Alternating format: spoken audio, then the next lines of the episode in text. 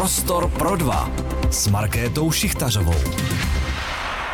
Zdravím, tady Markéta Šichtařová. Posloucháte Rádio Prostor, Prostor pro dva a dneska s mým hostem, paní doktorkou Jitkou Chalánkovou. Vítám vás tady. Děkuji za pozvání a zdravím vás i všechny diváky i posluchače. Paní Jitka Chalánková je česká politička, lékařka v letech 2004 až 2014 byla zastupitelkou Olomouckého kraje. V letech 2010 až 17 byla poslankyní poslanecké sněmovny a od roku 2018 je nezávislou senátorkou a velmi aktivní paní senátorkou. Protože vy jste se v poslední době pustila na území, které, řekla bych, pro vás dosud nebylo až tak úplně typické. Vy jste se hodně zabývala třeba rodinnými záležitostmi, ale teď v poslední době jste v Senátu předložila návrh zákona, který by se jednoduše dal popsat jako právo být offline. A ten mě hodně zaujal. Řeknete nám o tom něco víc? Děkuji, děkuji. Máte pravdu. Já jsem přemýšlela, čemu bych se v Senátu více věnovala a využila té pozice v senátorky. Eh, co se týká těch velkých témat, ať se to mm, týká rodinné politiky, sociální politiky, tak ten senátor samozřejmě může upozorňovat na některá témata, ale ta pravomoc tam tak velká není. Takže jsem se zamyslela, v čem je ta role senátu důležitá a jedna z toho je právě oblast ústavně právní. Vzhledem k tomu, že i v, k těm kauzám, možná se k tomu dostaneme na Mezinárodním poli ochrany rodiny, jsem se k ústavnímu právu přece jen eh, nějakým způsobem musela dostat. A v poslední době při ochraně lidských základních lidských práv a svobod i v době covidové eh, jsem viděla, že lidská práva a svobody člověka jsou neustále postupně erodovány, oklešťovány. A téma eh, postupné digitalizace což nevytýkám například státní správě, ať si digitalizuje své agendy. Nicméně postupné digitalizace života člověka, občana, která mu může brát jeho osobní svobody, jeho osobní rozhodování, tak to jsem začala považovat za velmi důležité a určitě, určitě sleduji, že ten postup ztráty svobod člověka tady je. Mimochodem, tak mě tak napadá, jak se hmm. například díváte teď na ten poslední pokus, který už v podstatě je asi úplně jistý, hmm. že budeme mít naše občanky v hmm. mobilních telefonech. No, to nezní zrovna jsem... jako kompatibilní s tím návrhem na právo zůstat offline. Mhm. Bylo to zrovna i stejný den o tom hlasováno, proto to někdo odpoledne připomínal, když jsme mluvili už o tom mém návrhu práva být offline. Já jsem proto samozřejmě nehlasovala pro tu občanku v, v tom eh, mobilním telefonu.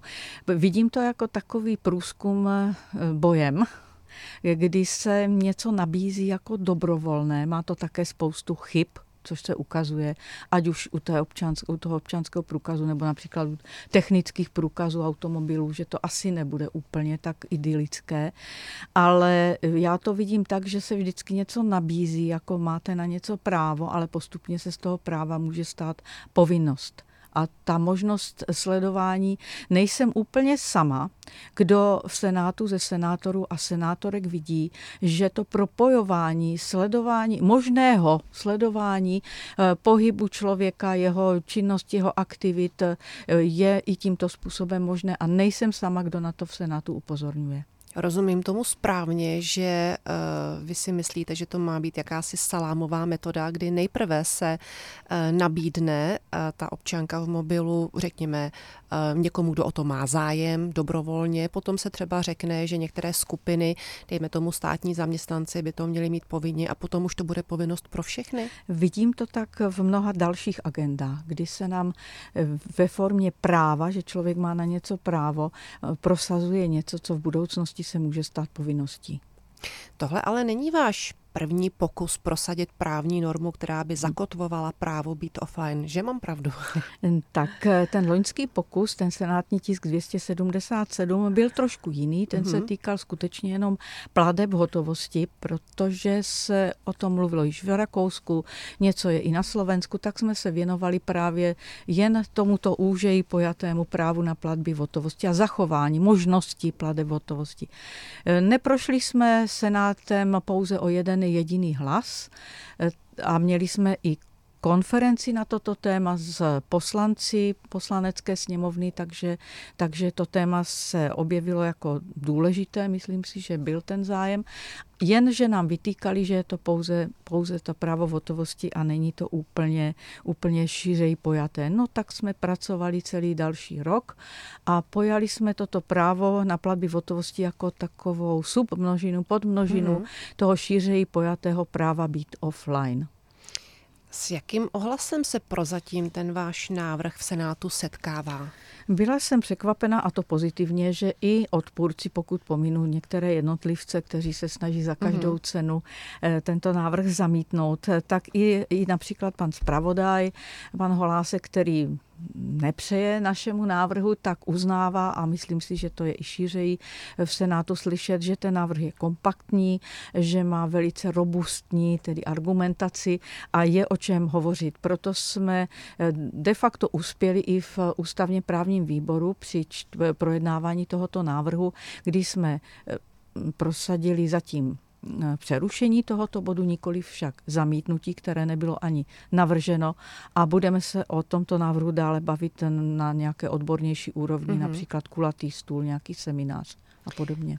Vy jste říkala, že ten aktuální návrh na právo zůstat offline hmm. je jakousi nadřazenou eh, množinou pro eh, možnost platit hmm. v hotovosti. Co tam tedy ještě je navíc proti tomu, že by měla být zachována hotovost? Tak je tam výčet dalších práv, ale takovou, takovou tu vlajkovou lodí celého toho návrhu je to, že občan má právo jednat za sebe, zejména se státem, s institucemi státu, ale i s dalšími, bez povinnosti možnosti využívat k tomu nějakého prostředníka, ať už je to třeba banka mm-hmm. nebo operátor mobilní a podobně, protože tím ta svá data e, svěřuje a při veškeré argumentaci o ochraně, e, ochraně dat e, si myslím, nebo je prokázáno, že neexistuje stoprocentní záruka, že nemohou být tyto systémy nabourány.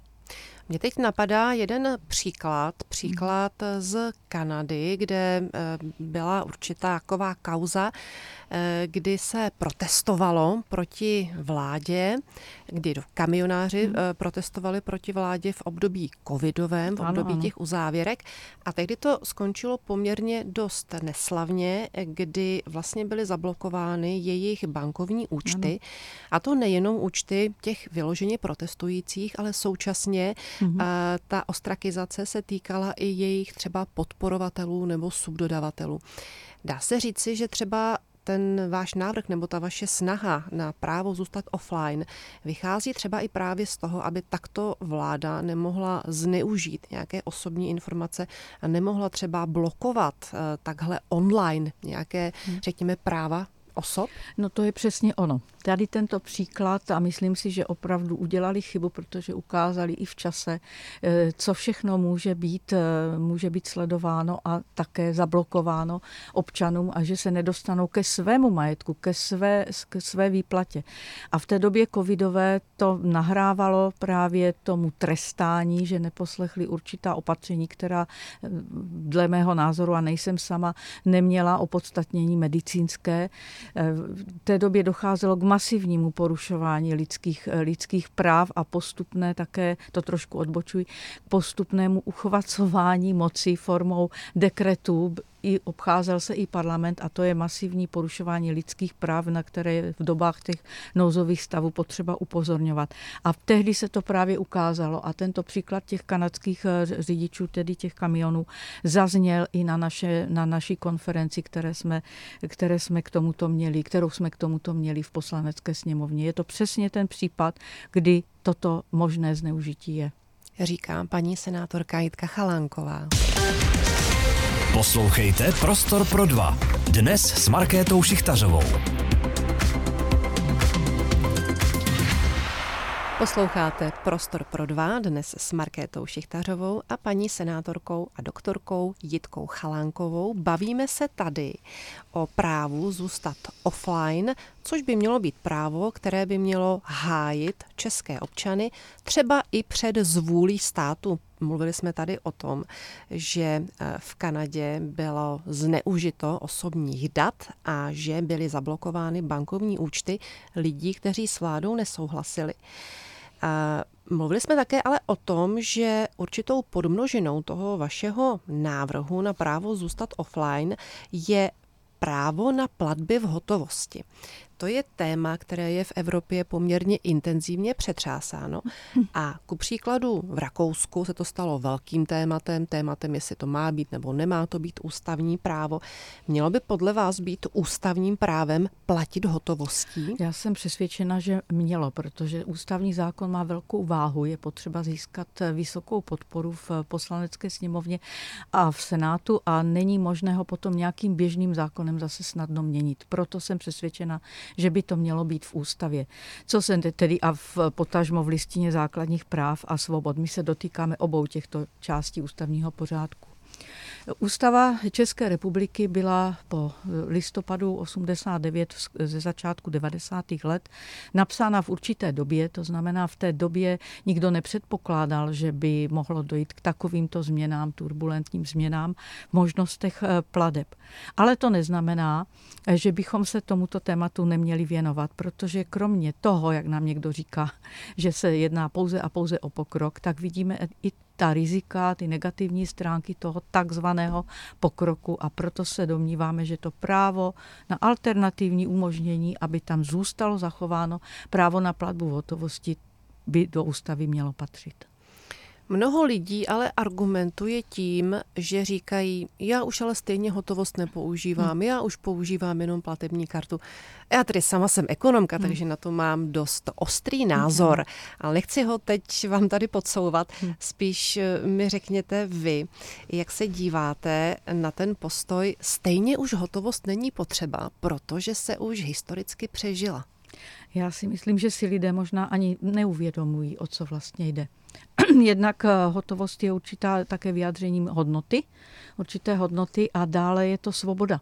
Takže to není jenom proto, že by někdo neuměl například eh, používat elektronické bankovnictví, neuměl se připojit k internetu.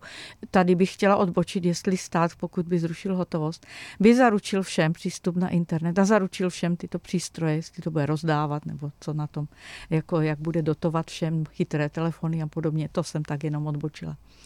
A lidé by si měli uvědomit, že pouze platba v hotovosti je skutečně vyjádření absolutní svobody.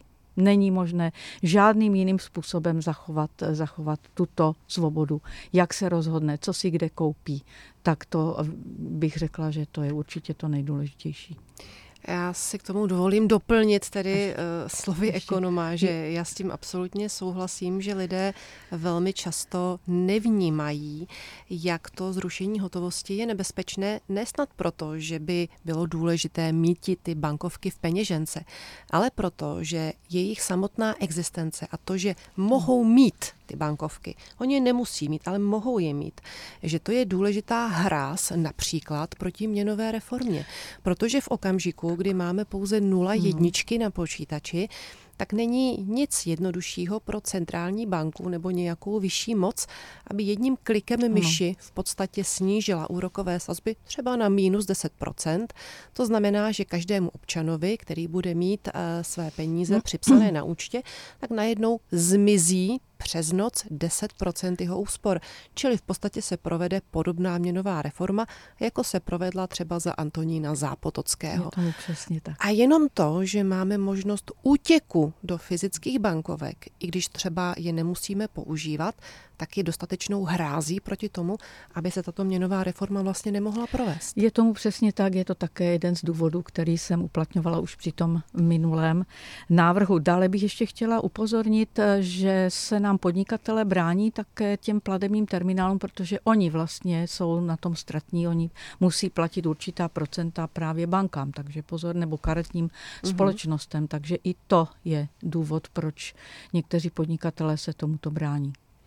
Shodou okolností ve stejné době, kdy v Senátu leží váš návrh na právo být offline, tak také v Senátu leží petice na vyjednání hmm. výjimky České republiky z přijetí hmm. eura a neb v podstatě na zachování české koruny.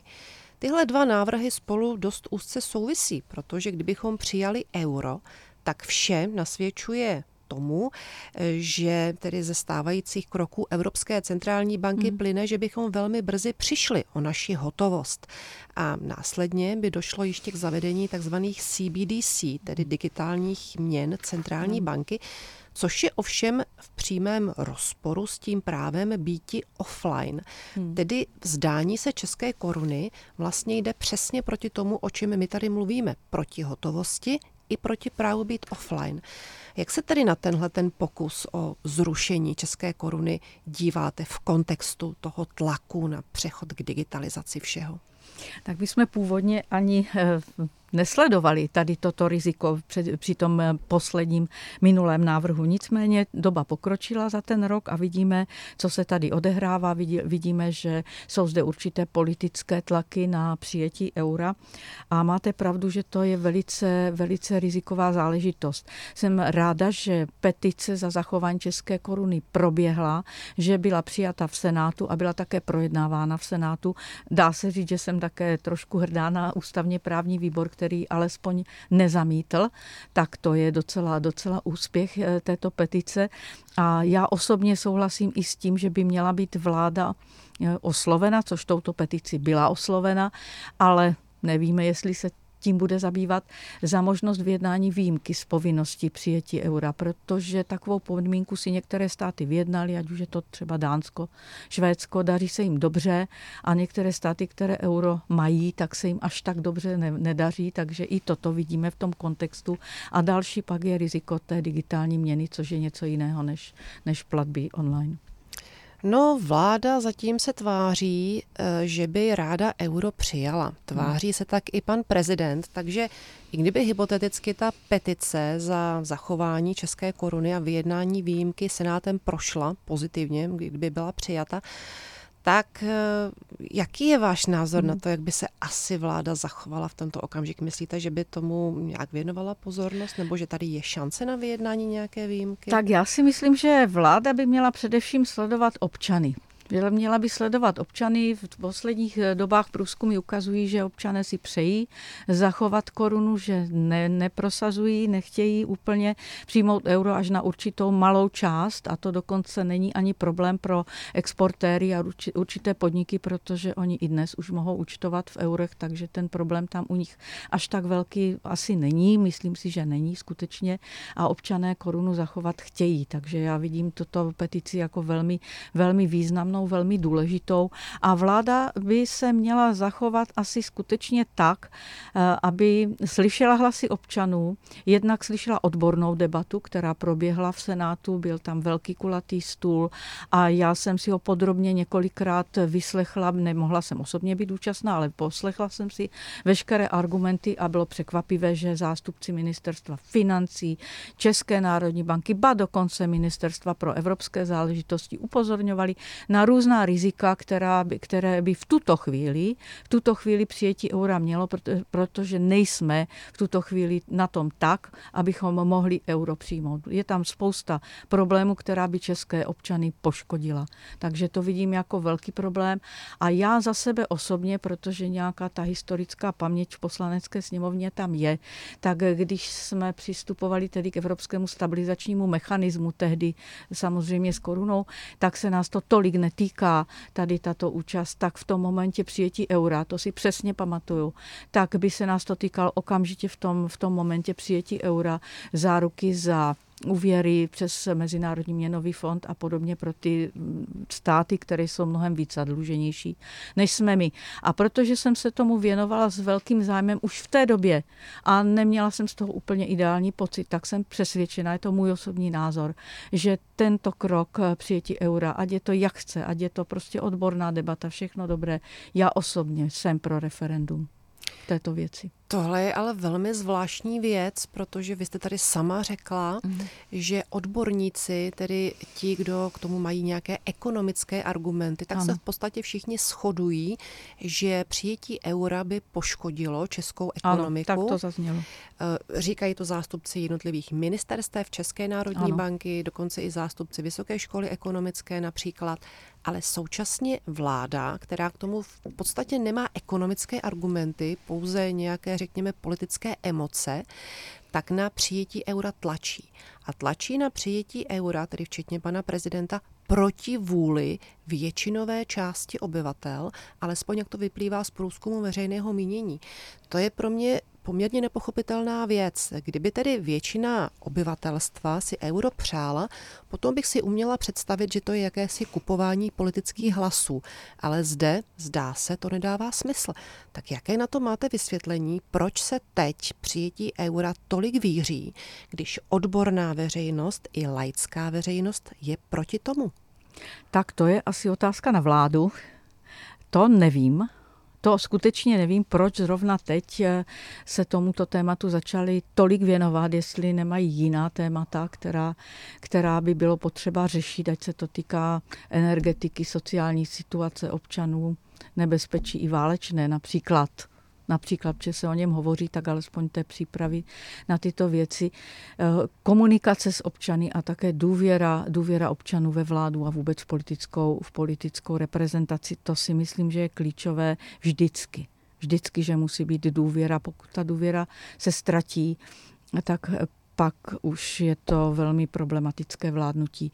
Proč ta vláda tuto chvíli tak tlačí, skutečně já osobně nevím.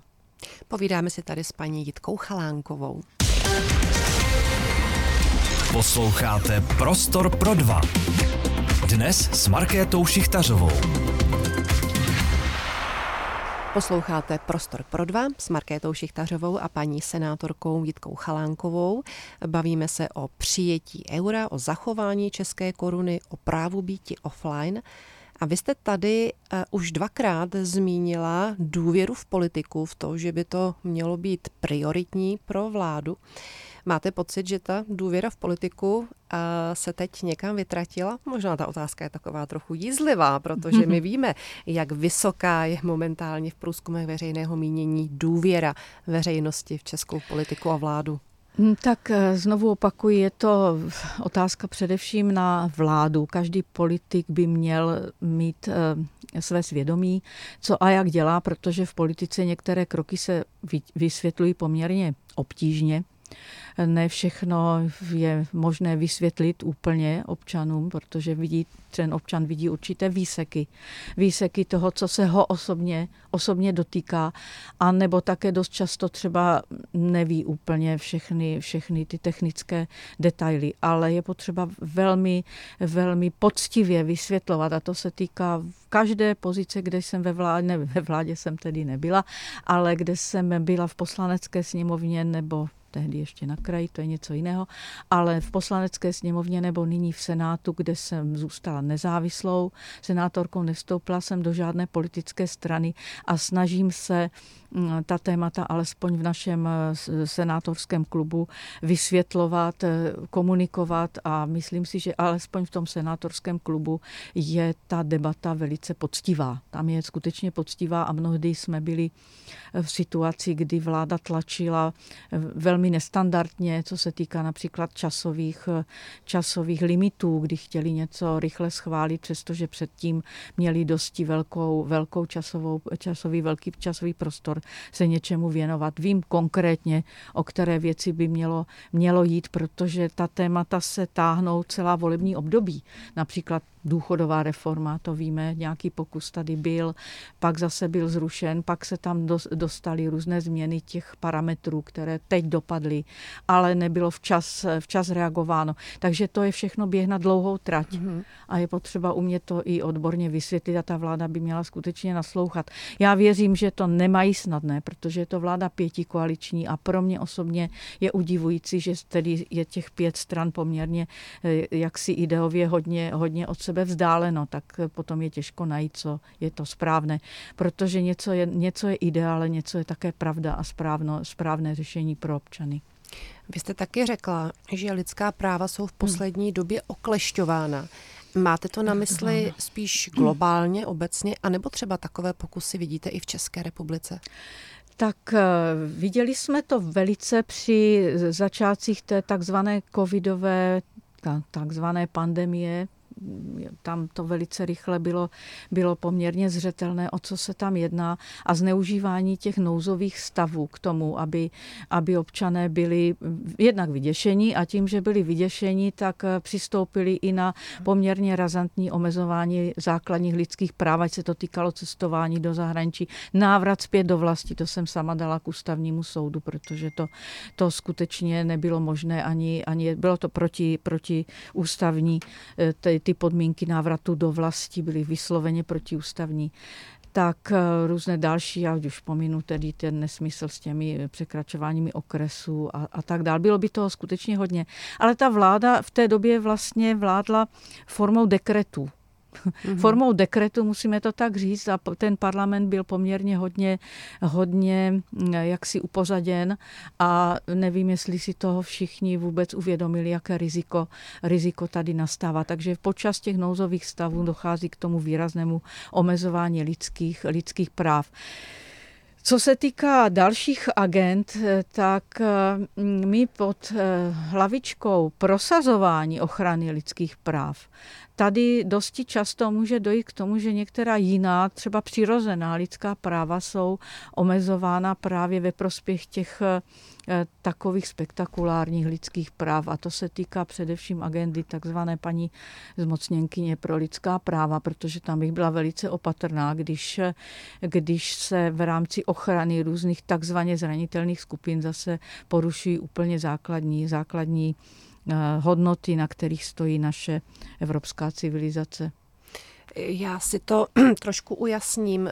Máte třeba na mysli něco typu Istanbulská hmm. úmluva anebo třeba pandemická smlouva?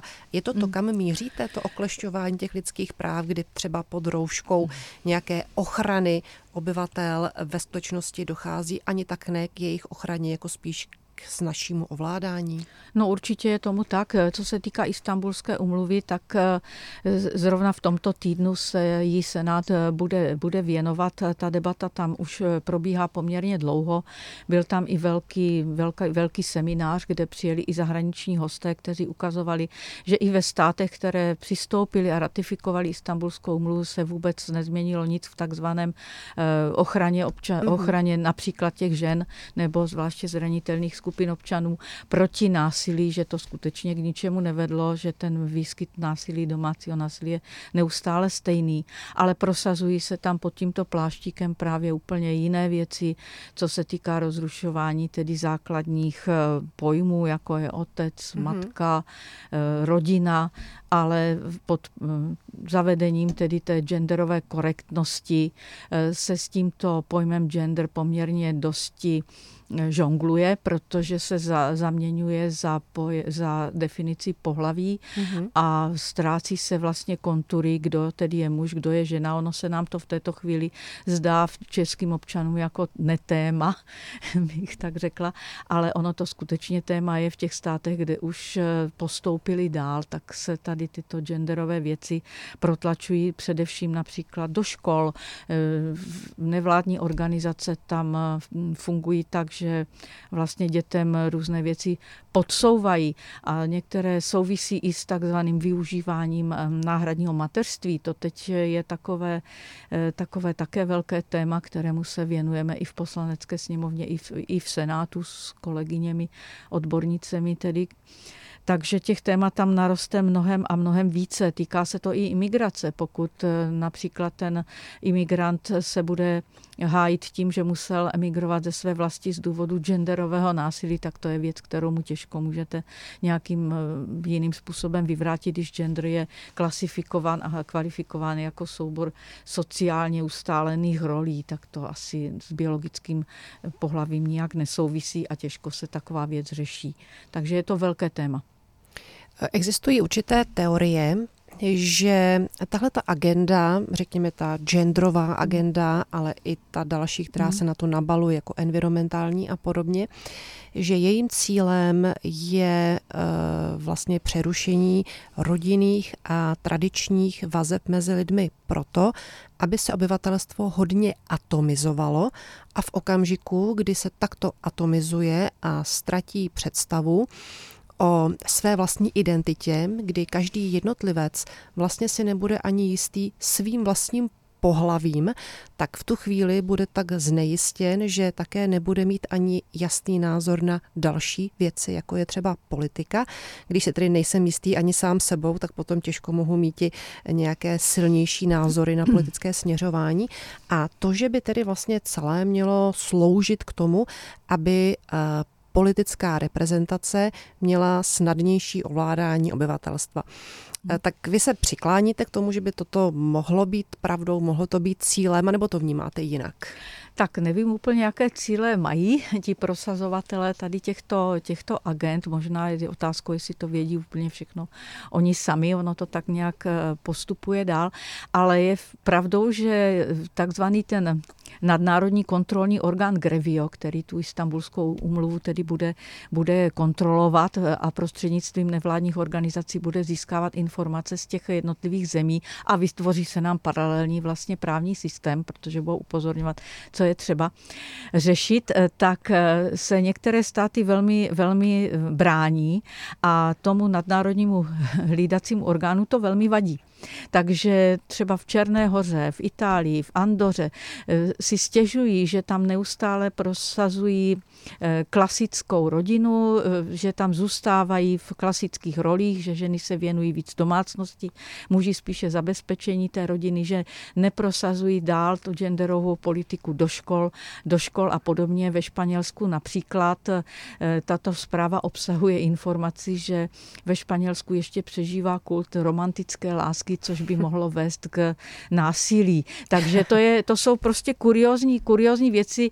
Teď se v tuto chvíli můžeme smát, ale pokud si uvědomíme, že někdo tedy nebude si jíst svým pohlavím nebo se prohlásí za nějaké jiné pohlaví, než skutečně je, tak eh, se může cítit pak nějakým Eh, způsobem diskriminován a ten člověk, který se, se ho údajně dotkl nebo mu nějak ublížil, tak neví ani proč, ale ty antidiskriminační žaloby pak mohou být velmi, velmi kruté.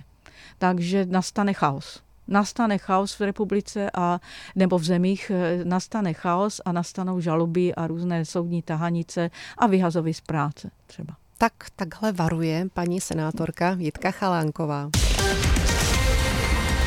Posloucháte Prostor pro dva. Dnes s Markétou Šichtařovou. Posloucháte Prostor pro dva. Povídáme si o narušování rodinných vazeb z hora politikou. A k tomu si vzpomínám na jednu kauzu, vy, které jste se vy velmi angažovala v minulosti, která už je bohužel možná veřejností tak trochu zapomenutá. Je to kauza rodiny Michalákových, která přesně spadala do té rodinné politiky. Šlo tehdy o to, že dva čeští chlapci byli odebráni matce norským úřadem pro ochranu dětí, Barnavernetem. V květnu 2014 vy jste kvůli tomu interpelovala na půdě sněmovny ministry zahraničí, spravedlnosti, práce, sociálních věcí. Dokonce jste kvůli tomu i jednala s norskou velvyslankyní v Praze. Připomenete, o co tehdy v té kauze šlo? Tak chlapci byli odebráni z mateřské školky rodičům už v roce 2011 a já jsem se tomu případu věnovala od roku 2014 těmi interpelacemi, je tomu tak. Eh, těch případů je v Norsku víc, já jsem se věnovala i více případům a měla jsem k dispozici i více těchto kaus. Co se týká rodiny Michalákových, tak chlapci ve věku dvou a půl a pěti let byli odebráni z mateřské školky, takže maminka už je vlastně, když je vypravila do školky, tak odpoledne už je neměla k dispozici, tedy rodiče. A pak to běželo, jak, je už, no, jak bylo i známo v médiích, jsme hodně upozorňovali na to, jak vlastně ten proces běžel. Maminka informovala okamžitě české úřady, české velvyslanectví a také se soudila podle těch norských eh, zákonů, protože v Norsku žije. Všichni mají české občanství. Jeden z těch chlapců už tedy po 12. roku věku získal i norské, ale české občanství mají úplně všichni. Postupně bylo, bylo mamince slíbeno, že pokud se rozejde s otcem, rozvede s otcem, tak eh, získá bydlení pro maminky s dětmi, které by měla zajistit obec, což se nakonec nestalo, přestože splnila tuto podmínku. Otec byl napřed eh, nějak osočován z toho zneužívání tedy, ale nic se neprokázalo, takže teď už o tom takto můžeme, můžeme hovořit, protože už je to veřejně, veřejně známo a e, maminka absolvovala e, vše, všechna soudní kolečka, vše, všechny, všechna, všechna tato soudní jednání v Norsku, ale marně. Postupně se prodlužují ty lhuty a když si děti zvyknou, u pěstounů byli rozděleni, k čemuž není tam vůbec žádné odůvodnění, nikde není nalezeno, tak e, absolvovala všechny tyto soudy a chlapci ji nebyli vráceni. Česká republika přislíbila, že pokud ne, nepodá tedy mezistátní stížnost, ale pokud maminka se dostane až k Evropskému soudu pro lidská práva, tak se připojí k tomuto projednávání. Je pravdou, že Česká republika v minulém volebním období se připojila ve všech 35 případech proti Norsku za Českou republiku u toho Evropského soudu pro lidská práva. To jsou z různých, z různých zemí. Veškeré případy, které došly až k tomu Evropskému soudu, tak v Norsko až na tento případ, což bylo tedy velice iluzorní, tak eh, neuspěla no, norská strana a ani jedno z těchto dětí nebylo rodičům vráceno, podle informací, které máme k dnešnímu dni. Takže v podstatě je to úplně jedno, jak, Nor, jak Evropský soud pro lidská práva dopadl. Tak to je jedna věc. My jsme s těmi rodinami v kontaktu. Jsme v kontaktu a vidíme veškeré ty procesy a procedury, které tam probíhají, ať se to týká přímo té krajské komise, jak tam vystupuje Barneven, i v jiných kauzách, kdy už sleduje tu rodinu, z jakých jakých důvodů sleduje tu rodinu. Je, jeden případ byl tedy úspěšný, ale to bylo jenom z toho důvodu, že měli veškerou dokumentaci v nemocnici. Pokud to dítě bylo v nemocnici, tak měli dokumentaci, pokud je doma, tak nemáte asi jak se bránit. Je to, je to velice zvláštní systém, kdy v Norsku se to biologické rodičovství mm, nebere, neuznává natolik, že, že to dítě si klidně může zvyknout u těch pěstounů, je to tam poměrně poměrně běžnější stav a to vracení těch dětí je velice obtížné, protože pokud si takzvaně zvyknou u pěstonů, tak, tak už je nechtějí vrátit, ale těch případů je tam hodně a bohužel i některé velmi tristní. A netýká se to jenom Norska, týká se to i dalších severských, především severských zemí, ale i západoevropských. A na některých konferencích, například s mou drahou e, přítelkyní paní doktorkou Maricou Pirošíkovou, která byla zmocněnkyní Slovenska po dlouhou dobu, při Evropském soudu pro lidská práva, tak těch eh, kaus eh, sledujeme mnohem a mnohem více a jsou to velice tristní osudy. Počkejte, vy tady vlastně chcete hmm. říci, jestli jsem to pochopila hmm. správně, že Norsko běžně prohrává tyto soudy tak u stalo. Evropského soudního dvoru a přestože prohrává, tak si trvá na svém a ano, děti nevrací. nevrací. Jinými slovy, to původní podezření se nepotvrdí.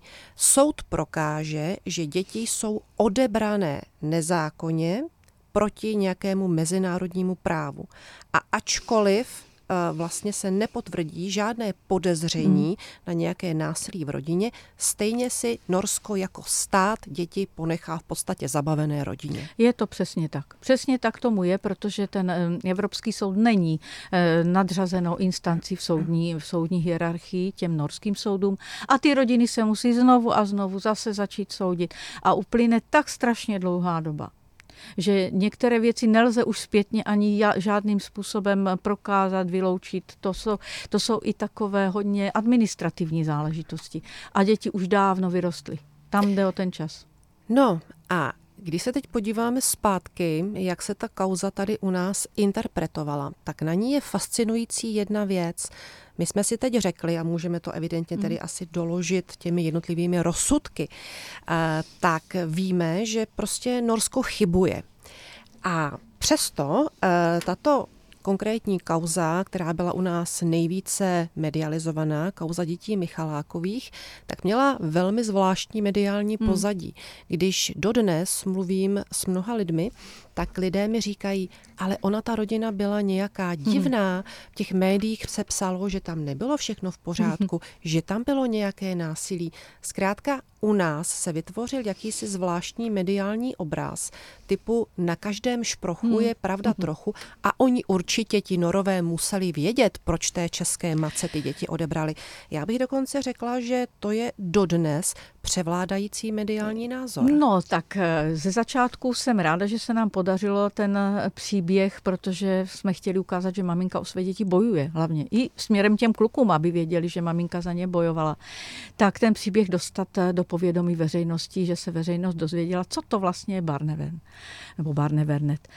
Ale já si myslím, že v České republice si těžko zatím, těžko si zatím mohou, mohou lidé představit, že něco takového je vůbec možné, takže se tomu i zpět, vnitřně brání si něco takového uvědomit. Co se týká mediálního pokrytí, tak bylo velice různorodé, protože se postupně některé pořady, pořady se připojily i k takovým eh, některým neúplně košer, ne, neúplně dobrým argumentům těch našich eh, protivníků, kteří hájili norské, Norsko za každou cenu. Za každou cenu hájili Norsko i možná z důvodu norských eh, fondů, ne, nechci jim to podsouvat, ale je to prostě hodně peněz.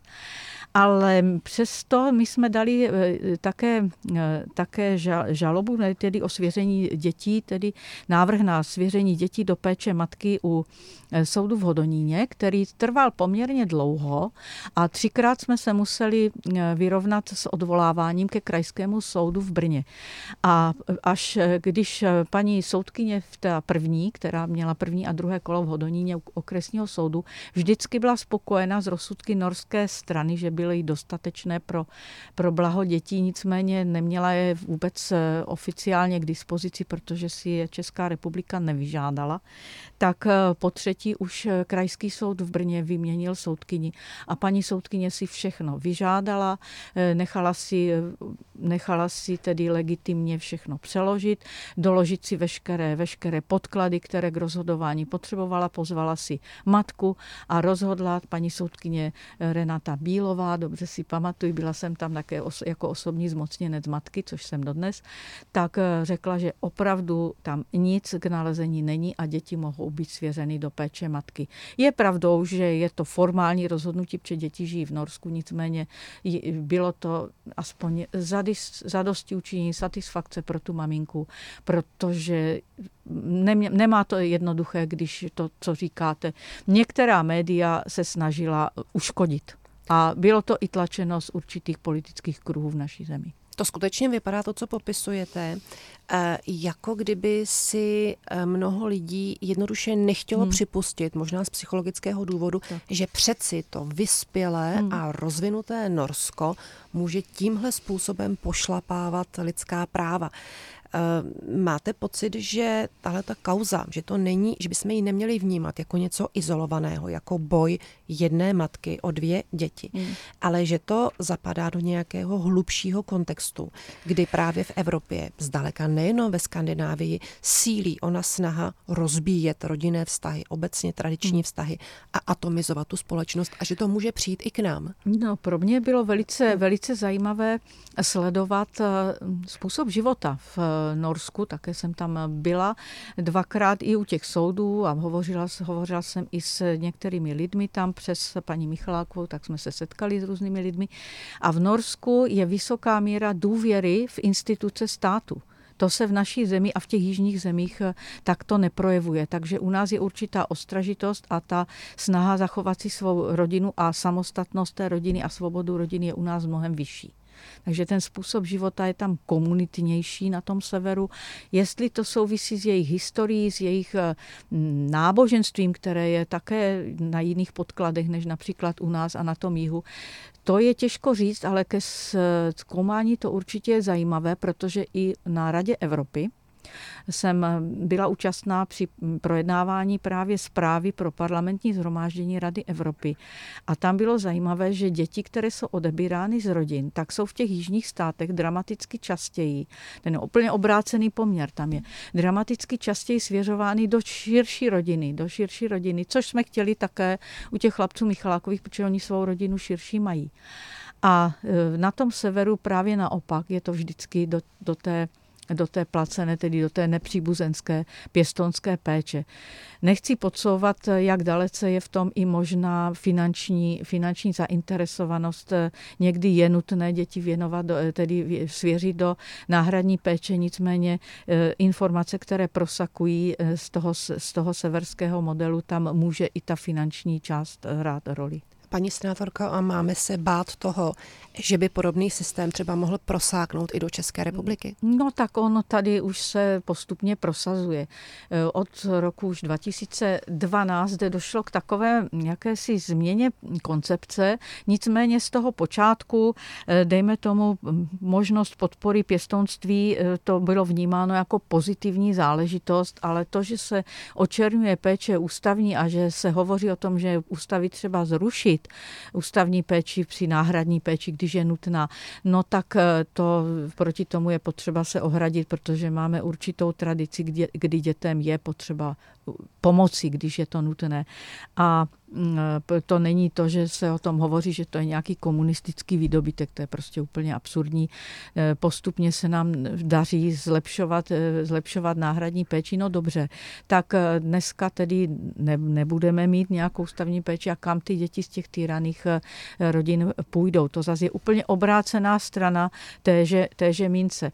A protože se určité, určití lidé, kteří jsou v tom i finančně zainteresovaní, snažili už o to od nějakou dobu už prosazovat přes nevládní organizace, které jsou velice silným, silným tedy mm, motorem pro ministerstvo práce a sociálních e, věcí, tak přes ty nevládní organizace tam dochází k prosazování různé agendy, kdy už i někteří úředníci ministerstva se tomu začínají bránit. Je to velice, velice zajímavé. Jací, jací, jaké, jaké zkušenosti sem vozí ze světa.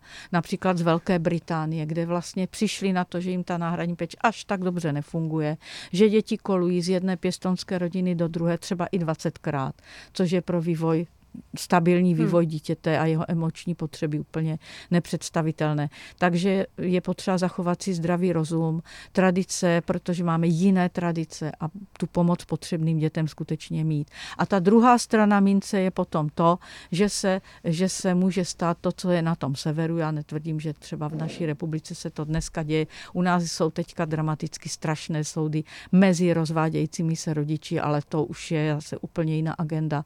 Ale u Michala Michalákových vlastně bez, bez příčiny nic nebylo prokázáno a chlapci jsou odebráni a navíc rozdělení navíc rozdělení a to si myslím, že občané, teda občané tady u tohoto velmi varovně zvedali prst a mě se na ten případ ptají. Musím říct, že tak úplně zapomenutý ten příběh není. Paní senátorko, já vám moc děkuji za dnešní povídání. Víc už se nám do toho dneska bohužel nevejde, takže zase někdy příště. Děkuji vám. Moc děkuji za pozvání, ať se daří. Naslyšenou. Naschledanou. Prostor pro dva a Markéta Šichtařová. Každou středu ve čtyři odpoledne.